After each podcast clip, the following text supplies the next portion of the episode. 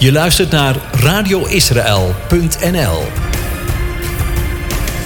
Welkom onder de vijgenboom. Leer je Bijbel lezen vanuit de Joodse achtergrond en tradities. Leer Jezus kennen als de Joodse Messias. Je gastvrouw en leraar is Debbie van Galen, hier op radioisrael.nl. Shalom, fijn dat je er weer bij bent. We gaan vandaag uh, beginnen met uh, Jona deel 4. Het is meteen ook het laatste deel in deze serie. Dat uh, kun je zo hebben, hè? Die overtuiging dat je helemaal gelijk hebt wat betreft een ander. En helemaal wanneer je van overtuigd bent dat die ander echt helemaal fout zit en jij uiteraard totaal niet. En dat je die trein van consequenties al lang aan ziet komen denderen. Onvermijdelijk en tja, terecht, toch? En dan gebeurt er iets waardoor de situatie een totaal onverwachte wending neemt en ineens zit je zelf in de beklaagde bank. En komt de ander er beter uit dan je diep in je hart voor hem of haar had gewenst. Zo was de toestand van Jona. We lezen Jona 4, vers 1. Dit was volstrekt kwalijk in de ogen van Jona en hij ontstak in woede. Zullen we maar even een eh, vers teruggaan, even voorafgaan daaraan dus. Jona, Jona 3 vers 10. Toen zag God wat zij, de Ninevieten, deden, dat ze zich bekeerden van hun slechte weg. En God kreeg berouw van het kwade dat hij gezegd had te zullen doen, hun te zullen aandoen, en hij deed het niet. God zag, Elohim zag, niet Yud He Vav He, de Heere, waar Israël mee te maken heeft, hoofdzakelijk, naar de puur rechtvaardige kant van God. En die zag wat de Ninevieten deden om hem te doen besluiten het oordeel wat hij uh, ter intentie, voor, als intentie had niet uit te voeren. Elohim oordeelde dat hun inspanningen om zich te bekeren van hun gamas, hun ro roofzucht, hun extreme gewelddadigheden, hun losbandigheid, hun wetteloosheid dat hun inspanningen om zich daarvan te bekeren voldoende waren. Let wel, ze bekeerden zich niet tot de Heere, zoals van Israël wel wordt verwacht en werd verwacht. Zij bekeerden zich van hun slechte weg. En omdat Elohim zag en oordeelde dat het voldoende was, keerde hij de stad niet ondersteboven. En dan gaan we weer bij vers 1. Dit was volstrekt kwalijk in de ogen van Jona. In Jona's ogen was het een groot kwaad dat de stad niet ondersteboven werd gekeerd. Waarom? Het woord vol, voor volstrekt in het Hebreeuws is afgeleid van ra. En het woord voor kwalijk in het Hebreeuws in deze zin is jera. Dat is afgeleid van de allebei. Afgeleid, oh nee, de een is afgeleid van de wortel ra'a. En beide betekenen in de kern kwaad. Twee keer in één zin. Ra wil zeggen uitermate slecht, een kwaad dat tegenspoed en ellende zou brengen. Ra'a wil zeggen kwaad om te kwellen, bedroeven, teisteren. Nou, wat maken we hieruit op? Ons is geleerd dat Jona een groot gebrek aan compassie had jegens de Ninevieten en dus woest was dat zij de straf niet kregen die zij in zijn ogen hadden verdiend. Echter, daar draaide het voor hem in de eerste plaats helemaal niet om. Weet je nog wat zijn ervaring was, zijn traumatische ervaring met de profetie die hij Jeruzalem bracht? Jeruzalem kreeg de waarschuwing zich tot de Heer te bekeren, anders zou de stad worden verwoest. De stad bekeerde zich, collectief, en de Heere kwam terug op zijn besluit om zijn intentie in die generatie ten uitvoer te brengen. Nou weten we wel dat in 70 uh, na Christus dit alsnog gebeurde, maar dat was voor die generatie even niet van belang. Vervolgens werd Jona eenmaal terug in het gebied van het tienstammenrijk uitgemaakt voor valse profeet, geheel onterecht. Ook in die tijd werd een persoon als ware profeet beschouwd als tenminste één van zijn profetieën tot op de detail was uitgekomen. En dat getuigenis had Jona. 2 Koningen 14 vers 25. 2 Koningen 14 vers 25 zegt, hij bracht ook het gebied van Israël van Lebo Hamad tot de zee van de vlakte aan Israël terug overeenkomstig het woord van de Heere, de God van Israël, dat hij gesproken had door de dienst van zijn dienaar Jona, de zoon van Amittai, de profeet uit Gad Hefer. Jona was dus al bevestigd in zijn bediening als profeet. De aantijgingen van de Israëlieten aan het adres van Jona is ook een hele menselijke fout. Oordelen op grond van de helft van het verhaal. Vaak wordt de andere helft ontkend, opzettelijk genegeerd of gewoonweg niet naar gevraagd. Israël oordeelde Jona toen willens en wetens op basis van de helft van het verhaal. En dat was een groot trauma voor Jona. De bekering van de Ninevieten volgde hetzelfde patroon als dat van de Jeruzalemieten. Maar zijn eigen mensen vertikten het. Zijn angst om nogmaals voor valse profeten te worden uitgemaakt, zowel nu door de Ninevieten als ook door zijn volksgenoten weer, veroorzaakte zijn reactie. Het was een groot kwaad in zijn ogen. Met andere woorden, die gedachte was teisterend voor hem, kwelde hem, bedroefde hem. Iets zegt me dat dit wel heel begrijpelijk is op menselijk niveau. Is dat de enige reden voor Jona om zo kwaad te worden? De ogenschijnlijk zo makkelijke bekering van de Ninevieten verduisterde en, en vergrootte de verharding van de Israëlieten, het tienstammenrijk, nog meer en stapelde nog meer schaamte op hun. De verootmoediging van deze heidense, vrede stad deed Jona's hart in zijn schoenen zinken omwille van zijn volk. De Talmud vertelt ons dat Jona niet alleen zag wat de Ninevieten deden, hij zag ook niet alleen hoe God de stad spaarde, maar hij voorzag ook het oordeel, de tegenspoed, de rampspoed zelfs. Dat de Israëlieten zijn mensen zich op de hals haalden door de bekering van deze heidense stad. Als God zo'n heidense stad spaart, om slechts tussen haakjes, uh, aanhalingstekens, hun bekering van wat kwaad was, hoeveel te meer zou Gods volk zijn oordeel niet gespaard blijven vanwege hun hardnekkige rebellie tegen hem. En hij, Jona, ontstak in woede. Dat beeld werd Jona te veel. Als we in uh, Exodus 32 en 33 tot het 17e vers lezen, dan lezen we over de aanbidding van het gouden kalf. We lezen dat God, uh, of dat de Heer, um, Mozes terugstuurt en zegt dat zijn uh, volk uh, zich aan het bezondigen is en een heel groot kwaad aan het uitvoeren is. Dan staat er in, even kijken, in vers 9 te, uh, zegt de Heer tegen Mozes in van, hoofdstuk 32, Exodus hoofdstuk 32, vers 9. Ook zei de Heer tegen Mozes: Ik heb dit volk gezien, en zie, het is een halstarrig volk. Nu dan laat mij begaan, zodat mijn toorn tegen hen ontbrandt en ik hen vernietig. Dan zal ik u tot een groot volk maken. Daar was Mozes het niet zo mee eens. En hij probeerde te pleiten. Hij zei in vers 13: Denk aan Abraham, aan Isaac en aan Israël, uw dienaren, aan wie u bij uzelf hebt gezworen en tot hen gesproken hebt. Ik zal uw nageslacht talrijk maken als de sterren aan de hemel. Dit hele land waarover ik gesproken heb, zal ik aan uw nageslacht geven, zodat zij het voor eeuwig in erfbezit nemen. Volgende vers: Toen kreeg de Heer berouw over het kwaad dat hij gesproken had zijn volk te zullen aandoen. Zie je, er is hier ongeveer dezelfde situatie als nu Israël en de Ninevieten. En de Ninevieten, die bekeren zich, Israël niet. Maar goed, toen kwam dus dat gouden kalf. En Aaron kreeg op zijn kop van Mozes. En Aaron die verschuilde zich achter het volk, wende machteloosheid eigenlijk aan. En de levieten die schaarden zich toen achter Mozes om een, een, een reiniging in het volk te, te, laten plaatsvinden. En als we dan gaan kijken naar hoofdstuk uh, 33, hè, dan heeft Mozes voor het volk gebeden.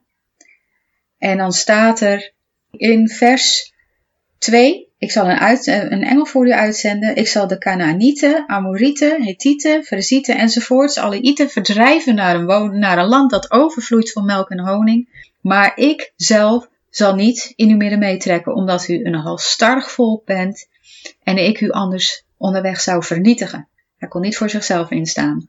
Dit was natuurlijk menselijk emotioneel overgedragen. Toen het volk deze onheilsboodschap hoorde, bedreven zij rouw. En niemand van hen deed zijn sieraden om. De Heere had namelijk tegen Mozes gezegd: Zeg tegen de Israëlieten: U bent een halstarrig volk. Als ik al maar één ogenblik in uw midden zou meetrekken, dan zou ik u vernietigen. Nu dan doe uw sieraden af, en ik zal weten wat ik u doen zal. Ver van de berg Horeb deden, ontdeden de Israëlieten zich van hun sieraden. Nu waren ze ineens God wel gehoorzaam. En waarom? Omdat zij het niet konden verdragen, de gedachte dat de Heere God niet met hun mee zou trekken verder. Zij bedreven rouw. Mozes pleitte met de, met de Heere, laat dit volk meetrekken, maar niet zonder u. En als ik dan genade heb gevonden in uw ogen, maak mij toch uw weg bekend. En hij zei, moet mijn aangezicht meegaan om u gerust te stellen? En toen zei Mozes tegen hem, als uw aangezicht niet meegaat, laat ons dan van hier niet verder trekken. Want hoe moet het anders bekend worden dat ik genade heb gevonden in uw ogen, ik en uw volk? Is het niet daardoor dat u met ons meegaat? Daardoor zullen wij, ik en uw volk, afgezonderd zijn van alle volken die er op de aardbodem zijn. Toen zei de Heere tegen Mozes, ook dit woord dat u spreekt zal ik doen, want u hebt genade gevonden in mijn ogen, en ik ken u bij uw naam. De rampspoed was afgewend, en de Heere had besloten dat hij het niet zou uitvoeren, dat hij toch mee zou gaan. En dat was mede te danken aan de berouw en de bekering van de Israëlieten, eindelijk, in de woestijn. En hier waren de Ninevieten, en die deden wat de Israëlieten eigenlijk zouden moeten doen. En hier in de, de Israëlieten in de woestijn deden precies wat Jona's volksgenoten van zijn tijd deden. Hetzelfde losgeslagen kwaad, overgenomen van de Egyptenaren, zelfs onder aansporing van de enkele Egyptenaren die met het volk waren meegekomen. En werd ook, al deze overtredingen, werden ook in het tienstammenrijk gebezigd. Echter het volk in de woestijn bekeerde zich, verootmoedigde zich, en de Heer toonde het volk genade. Mozes, de grote middelaar tussen het volkje Israël en de schepper van hemel en aarde, hield niet op om voor zijn volk te pleiten. Omwille van zijn naam, die hij aan zijn volk had verbonden. Wat zouden de heidense volkeren wel niet zeggen als hij daar een einde aan maakte? Maar ook, hij had er de behoudenis van zijn eigen ziel voor over. Ook voor Mozes werd de gedachte aan de vernietiging van zijn volk te veel, net als Jona. En hij trok alles uit de kast om verzoening voor zijn volk te vechten te bevechten. Jona aan de andere kant zag alleen de hardnekkigheid van zijn volk. Geen enkele profetie, geen enkel woord van God bracht hen tot verootmoediging. En dit kon alleen maar leiden tot een omkeer van Israël, de rampspoed, de eeuwenlange verstrooiing. Lucas 11, vers 29 tot 32. Lucas 11, vers 29 tot 32. Toen de menigte te hoop liep, begon hij te zeggen: Dit geslacht is een verdorven geslacht. Het verlangt een teken, maar het zal geen teken gegeven worden dan het teken van de profeet Jona. Want zoals Jona voor de inwoners van Nineveh een teken is geweest, zo zal ook de zoon des mensen het zijn voor dit geslacht. De koningin van het zuiden zal in het oordeel samen met de mannen van dit geslacht opstaan en hen veroordelen, want zij is gekomen van de weide einde van de aarde om de wijsheid van Salomo te horen. En zie, zie meer dan Salomo is hier, de mannen van Nineveh zullen in het oordeel samen met dit geslacht opstaan en het veroordelen. Want zij hebben zich bekeerd op de prediking van Jona, en zie, meer dan Jona is hier. Laten we naar Matthäus 23 gaan. Matthäus 23. Jezus profeteerde over de Judese leiders, de Fariseeën. Wee u over de Fariseeën. De Fariseeën zijn gaan zitten op de stoel van Mozes, sprak Jezus tot de menigte en zijn discipelen. Daarom al wat zij u zeggen, dat u in acht moet nemen, neem het in acht en doe. Maar doe niet naar hun werken, want zij zeggen het, maar ze doen het zelf niet. En dan gaan we even een stuk naar beneden en dan komen we bij vers 13. Maar wee u, schriftgeleerden en fariseeën, huigelaars. En 14. Wee u, schriftgeleerden en fariseeën, huigelaars. Wee u, schriftgeleerden en fariseeën, huigelaars. Wee u, nog een keer. Wee u in uh, psalm, uh, vers 23. Wee u in vers 25. Nou, en zo gaat het maar door. En dan in vers 26, blinde fariseeën reinig eerst de binnenkant van de drinkbeker en de schotel, zodat ook de buitenkant daarvan rein wordt. Jezus profiteerde niet tot hun verdoemenis, maar tot hun bekering. En dat wordt vaak vergeten. Ons wordt zo vaak voorgehouden dat Jezus tegen de fariseeën was. Dat is geen sinds het geval. Hoe weten we dit? Door wat we aan het einde lezen. Jezus profeteerde over Jeruzalem en voorzag haar verwoesting vanaf eh, vers 37 tot met 39. Niet omdat Jezus tegen Jeruzalem was, geen zins. Hij zei, hoe vaak heb ik uw kinderen bijeen willen brengen, op de wijze waarop een hen haar kuikens bijeenbrengt naar onder haar vleugels, maar u hebt niet gewild. Uit dit tedere beeld spreekt zijn enorme liefde voor de stad en alles wat onder haar rechtsgebied viel. Dus nogmaals, Gods beslissing om Nineveh niet om te keren was volstrekt kwalijk in de ogen van Jona en hij ontstak in woede. Er staat in het Hebreeuws dat Jona in een brandende woede, gara, ontstak. Jona 4 vers 2 hij bad tot de Heere en zei, och Heere, waren dit mijn woorden niet toen ik nog in mijn eigen land was? Daarom ben ik het voor geweest door naar Tarshish te vluchten. Want ik wist dat u een genadig en barmhartig God bent, geduldig en rijk aan goede tierenheid, die berouw heeft over het kwaad. Hij bad Anna Adonai. En dat betekent eigenlijk, hij smeekte, dit was een smeekbede. En hij, hij begon met, dacht ik het niet, ik zei het toch. Ik heb zelf nog wel eens de neiging om een inschatting van een situatie te maken, waarbij ik al voorzie wat er wordt uh, gedaan of gezegd gaat worden, maar dat hou ik dan voor me. Ten slotte kan ik het fout hebben, dus ik zeg liever niks.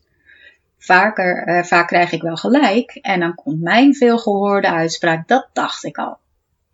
Heb ik geen bewijs voor natuurlijk dat ik dat al dacht, dus mijn man steekt daar graag de draak mee en noemt mij gekscherend profetes, dat dacht ik al. Jona heeft wat dat betreft natuurlijk meer krediet opgebouwd, gezien het feit dat we weten dat hij inderdaad naar Tarshish vluchtte. En waarom vluchtte hij?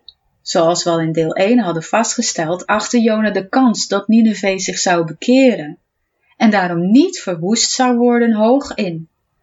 En nu zegt hij, zie je wel, ik dacht het wel. Op basis waarop?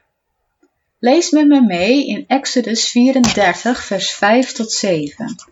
Exodus 34, vers 5 tot 7.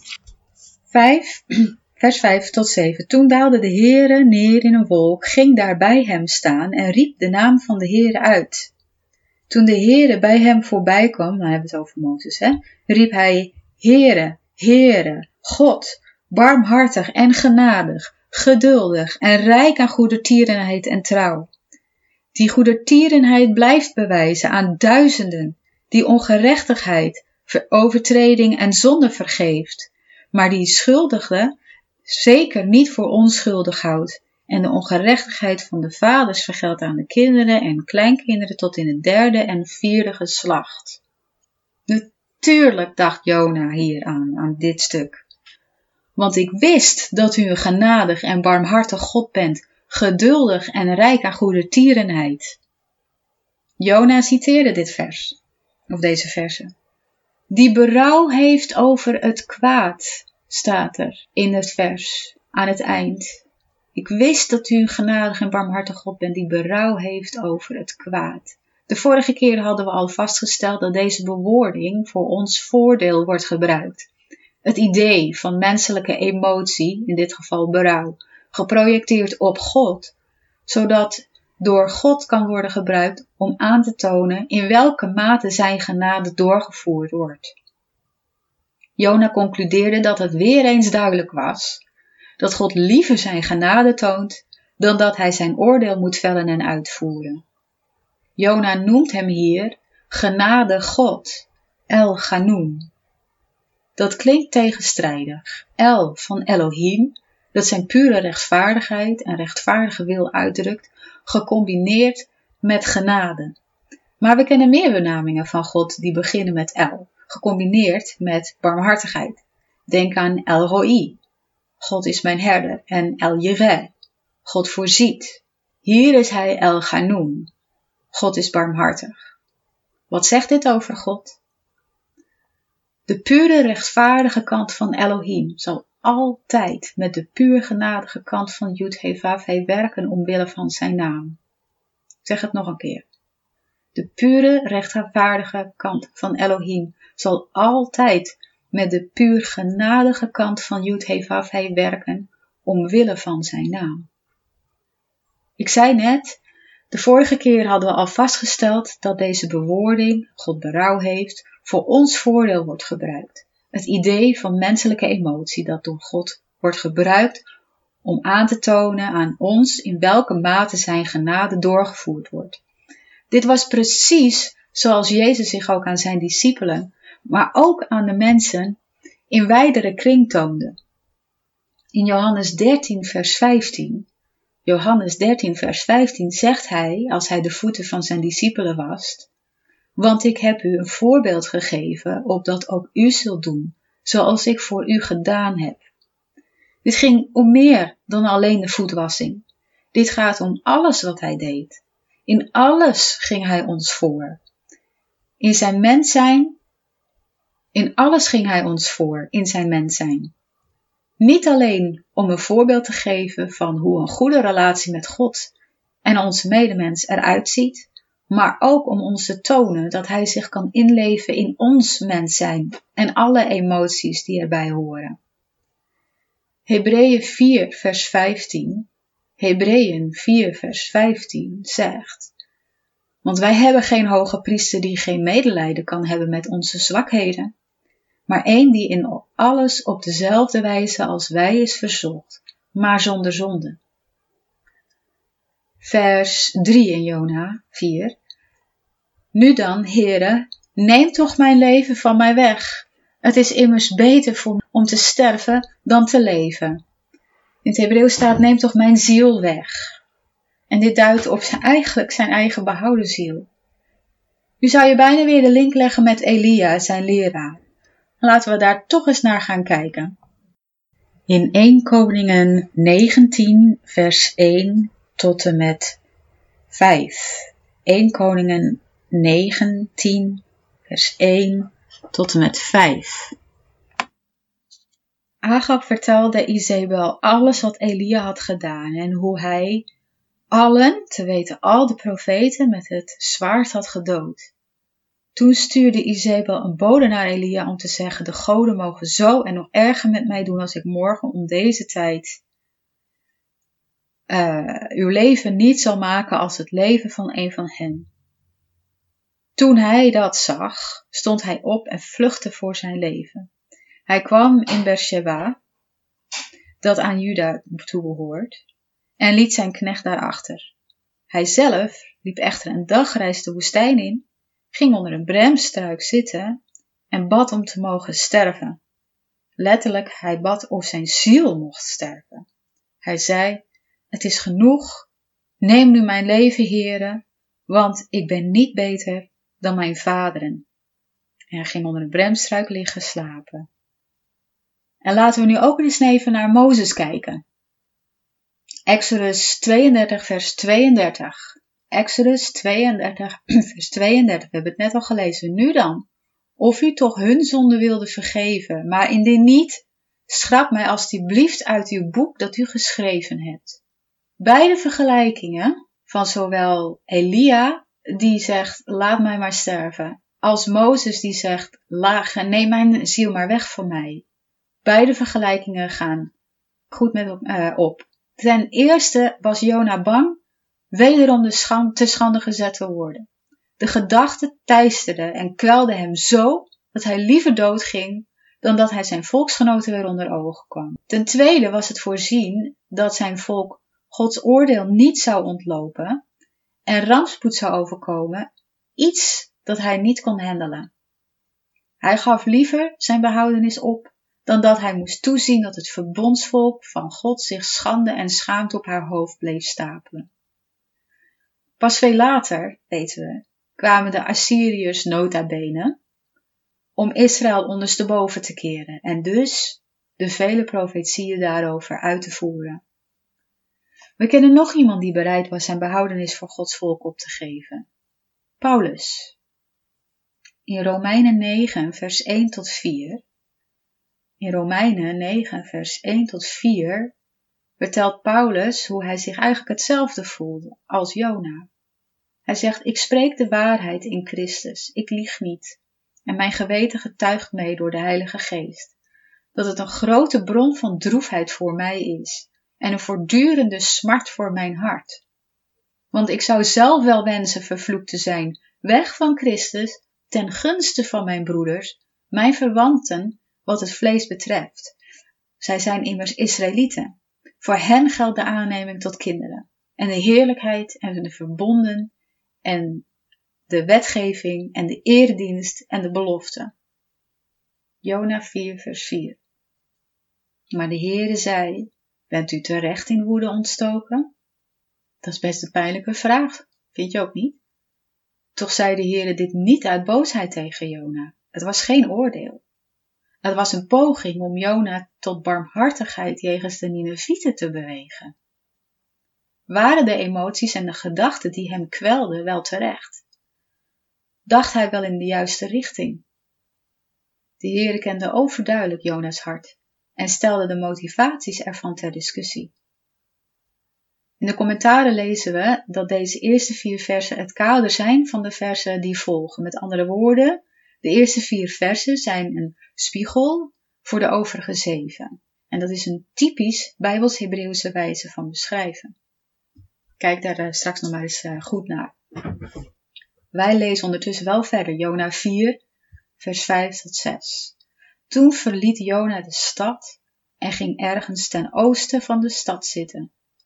Hij maakte daar voor zichzelf een afdak en ging daaronder in de schaduw zitten, tot hij zou zien wat er met de stad gebeurde.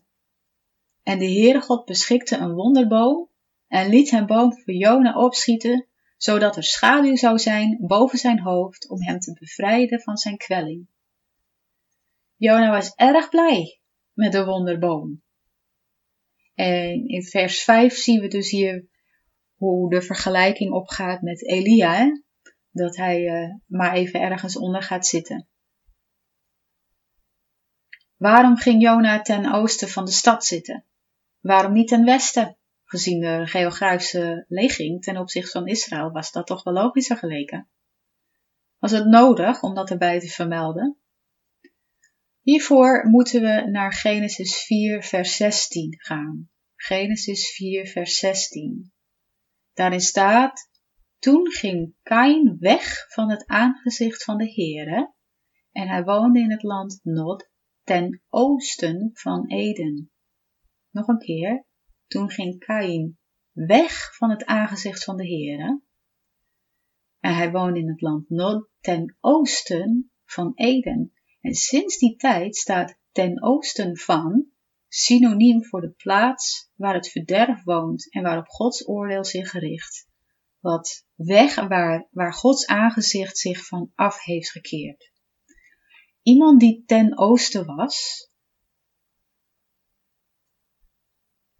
en keek richting de opening van de tabernakel bijvoorbeeld, die keek richting het westen, de opening van de tabernakel en van de tempel, waren allebei richting het oosten. Ten oosten daarvan vonden de slachtoffers plaats, oftewel Gods gericht. Met andere woorden, Jona had zich strategisch opgesteld, tot hij zou zien wat er met de stad gebeurde. Jona wilde met eigen ogen zien dat God zijn gezicht zou afkeren van Nineveh. Met andere woorden, om Gods gericht over Nineveh te kunnen zien. Blijkbaar was hij er niet gerust op. Vergelijk dat met 1 Koningen 19 vers 5 en 6. 1 Koningen 19 vers 5 en 6. We gaan weer terug naar Eli. Zoals Eli zich onder een struik terugtrok en zei, laat mij maar sterven. Laat mijn ziel in mij maar sterven. Zo lag Jona onder zijn soeka, dat staat er, zijn soeka, hetzelfde te bedenken. Wat dat betreft volgde hij het voorbeeld van zijn meester. Eli was zijn meester, hè? Weet je het nog? Hij volgde dat voorbeeld heel goed op.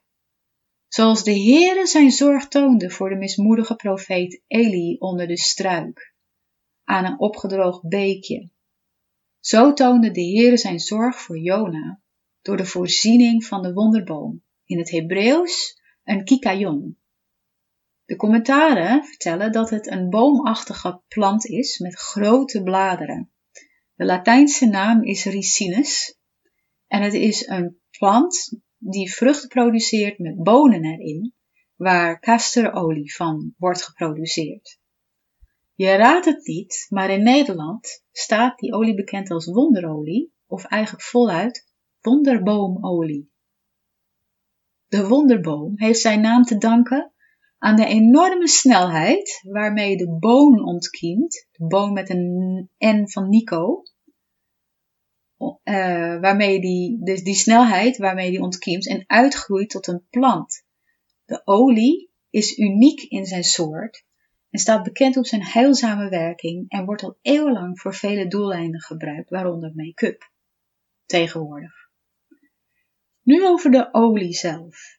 We weten dat olie in de Bijbel van grote betekenis is. Binnenkort naderen we Chanukka, het lichtjesfeest, waar olie een belangrijke rol speelt. Waarom? Het verwijst naar Gods trouw en overvloedige voorziening aan zijn volk en allen die hem liefhebben.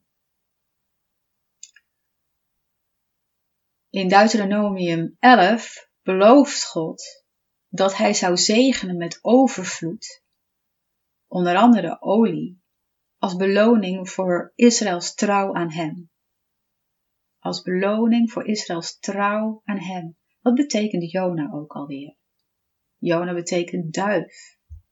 En duif staat niet symbool voor vrede, duif staat symbool voor trouw. Het boek Jona start met trouw in de betekenis van Jona's naam en eindigt er ook mee. Dus Jona was erg blij met de wonderboom. Natuurlijk was Jona erg blij met deze plant. Maar waarom? Ten eerste vanwege de heerlijke schaduw die het gaf door de dichtheid van de bladeren. Daarbij interpreteerde Jona het als de ultieme bevestiging voor zijn eigen gerechtigheid. Hij had zijn taak goed volbracht. De Heere was het blijkbaar ook met hem eens wat betreft de Ninevieten. En hij werd ervoor beloond. Deze houding toont echter de geestelijke onvolwassen staat van Jona aan. En is een goede les voor ons omdat God ons zegent met iets, wil dat niet meteen zeggen dat Hij het eens is met iets dat niet klopt en dat Hij ons ervoor beloont. Sterker nog, Hij kan het gebruiken om ons te laten zien hoe mis we het hebben. In de volgende vers, vers 7, de volgende dag, beschikte God bij het aanbreken van de dageraad een worm die de wonderboom stak, zodat hij verdorde. Hey, nu hebben we ineens God hierin. Eerst was het nog Heere. Toen werd het Heere God in vers 6. En van Heere God gaan we in vers 7 naar God, naar Elohim. Elohim beschikte een worm om, zoals er echt staat, de boom bij de wortels aan te vallen. Zoals we dat in het Hebreeuws kunnen lezen, zodat hij verdorde die boom en daarmee begon Jona's ego ook af te brokkelen. We lezen in Jona 4 vers 8 en het gebeurde toen de zon opging, dat God een verzengende oostenwind beschikte. En de zon stak op het hoofd van Jona, zodat hij geheel uitgeput raakte. Hij verlangde ernaar te sterven en zei toen: Het is voor mij beter te sterven dan te leven. Hij voelde zich al half dood. Elohim hier beschikte een zeer hete wind, een harde wind, die alle activiteiten verlamde, zowel van mens als van dier.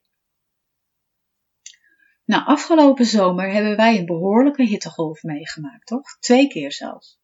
Nu kan ik best goed tegen de hitte inmiddels, na jaren in de woestijn in de VS te hebben gewoond. Maar dit was echter een heel andere hitte, drukkend en verlammend.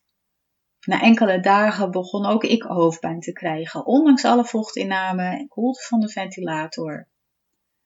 Denk even terug aan de afgelopen zomer en dan heb je een aardig goed beeld van de hitte die God stuurde. Maar het was niet alleen hitte, het was ook nog eens de wind. In het westen van de Verenigde Staten is de Santa Ana wind berucht. Het is een hele sterke feunwind die waait vanuit het woestijngebied ten oosten van Californië. Frappant hè, ten oosten van. Het is zo sterk dat het de gigantische trucks, vrachtauto's voor de kenners een 18-wheeler, op de weg, als die op de wegen rijden, die kan zo worden omgeblazen. Op dit moment woeden er een groot aantal branden in Californië, die door deze wind worden aangewakkerd en zelfs veroorzaakt en heel moeilijk te blussen zijn daardoor. Maar volgens de rabbijnen was de wind die God beschikte in Jona's verhaal dezelfde oostenwind die de Heere gebruikte om de Rode Zee te splitsen ten tijde van de uittocht uit Egypte.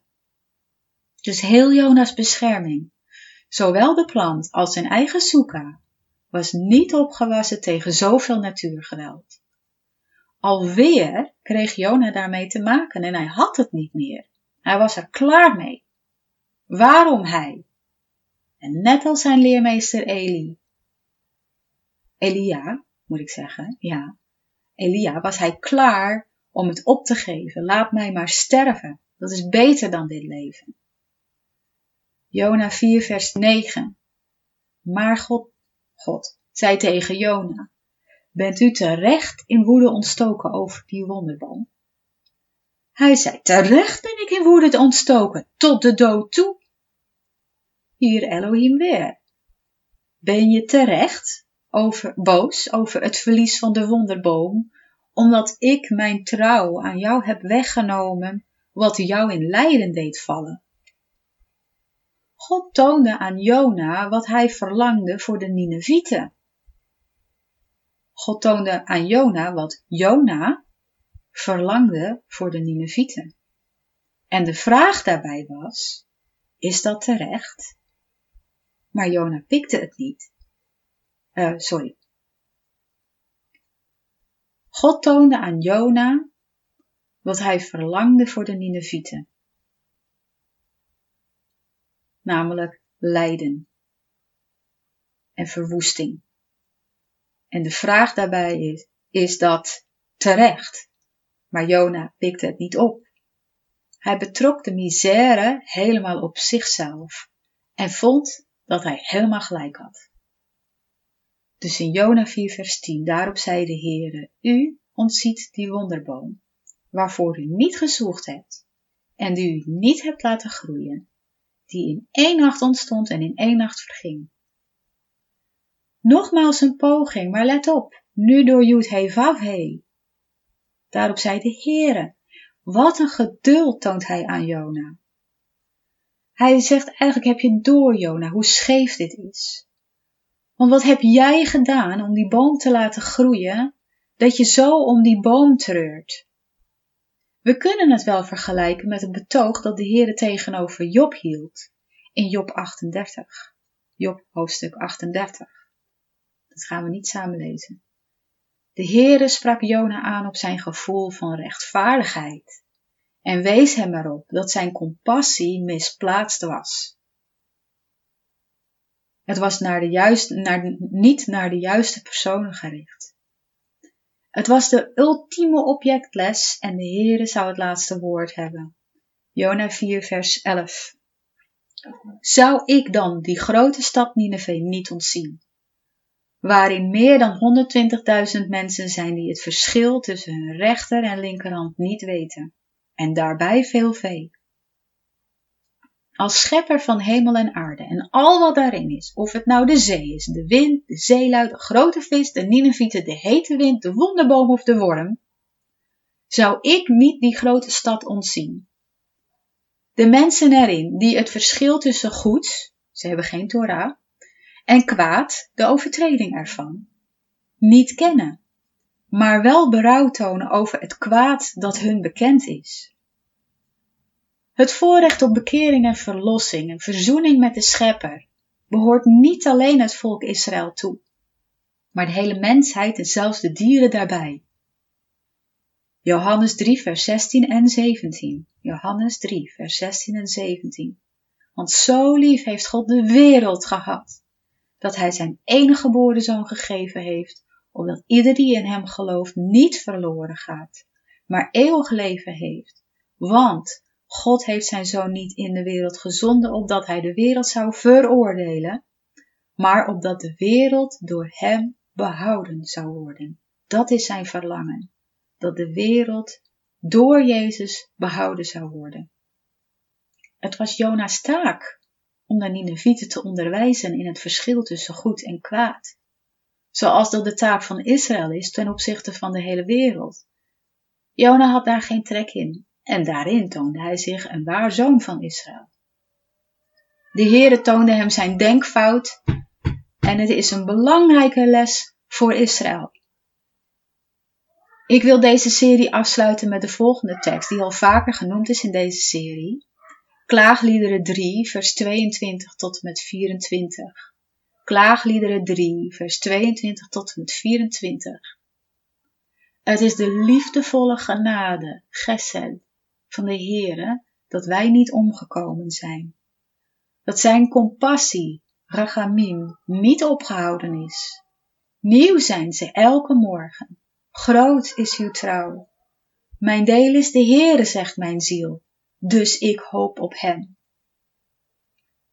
Hiermee zijn we aan het einde gekomen van deze diepgaande studie over Jona, waarin we hebben geleerd wat het teken van Jona echt behelst. Dat Jezus, de leidende Messias, eerst moest komen voordat we de triomferende Messias konden en kunnen gaan verwachten. We hebben geleerd dat niemand buiten bereik van Gods trouw en genade is. We hebben geleerd dat God zowel puur rechtvaardig en puur genade is en soeverein bovendien.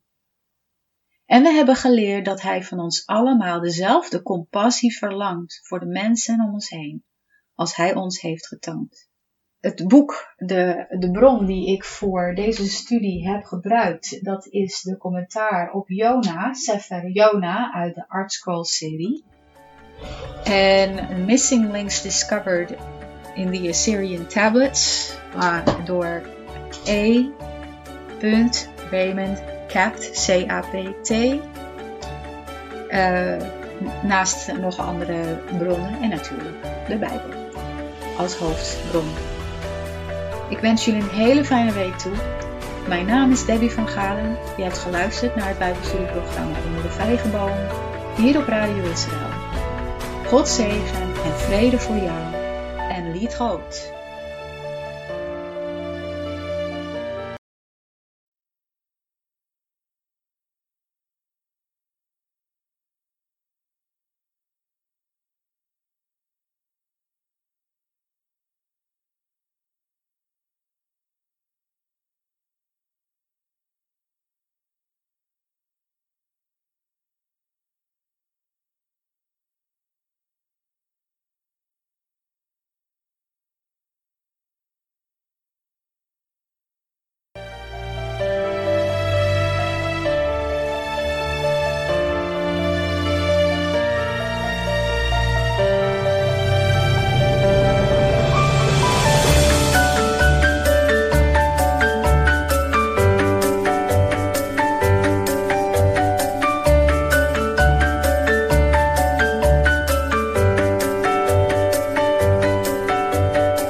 Luistert naar radioisrael.nl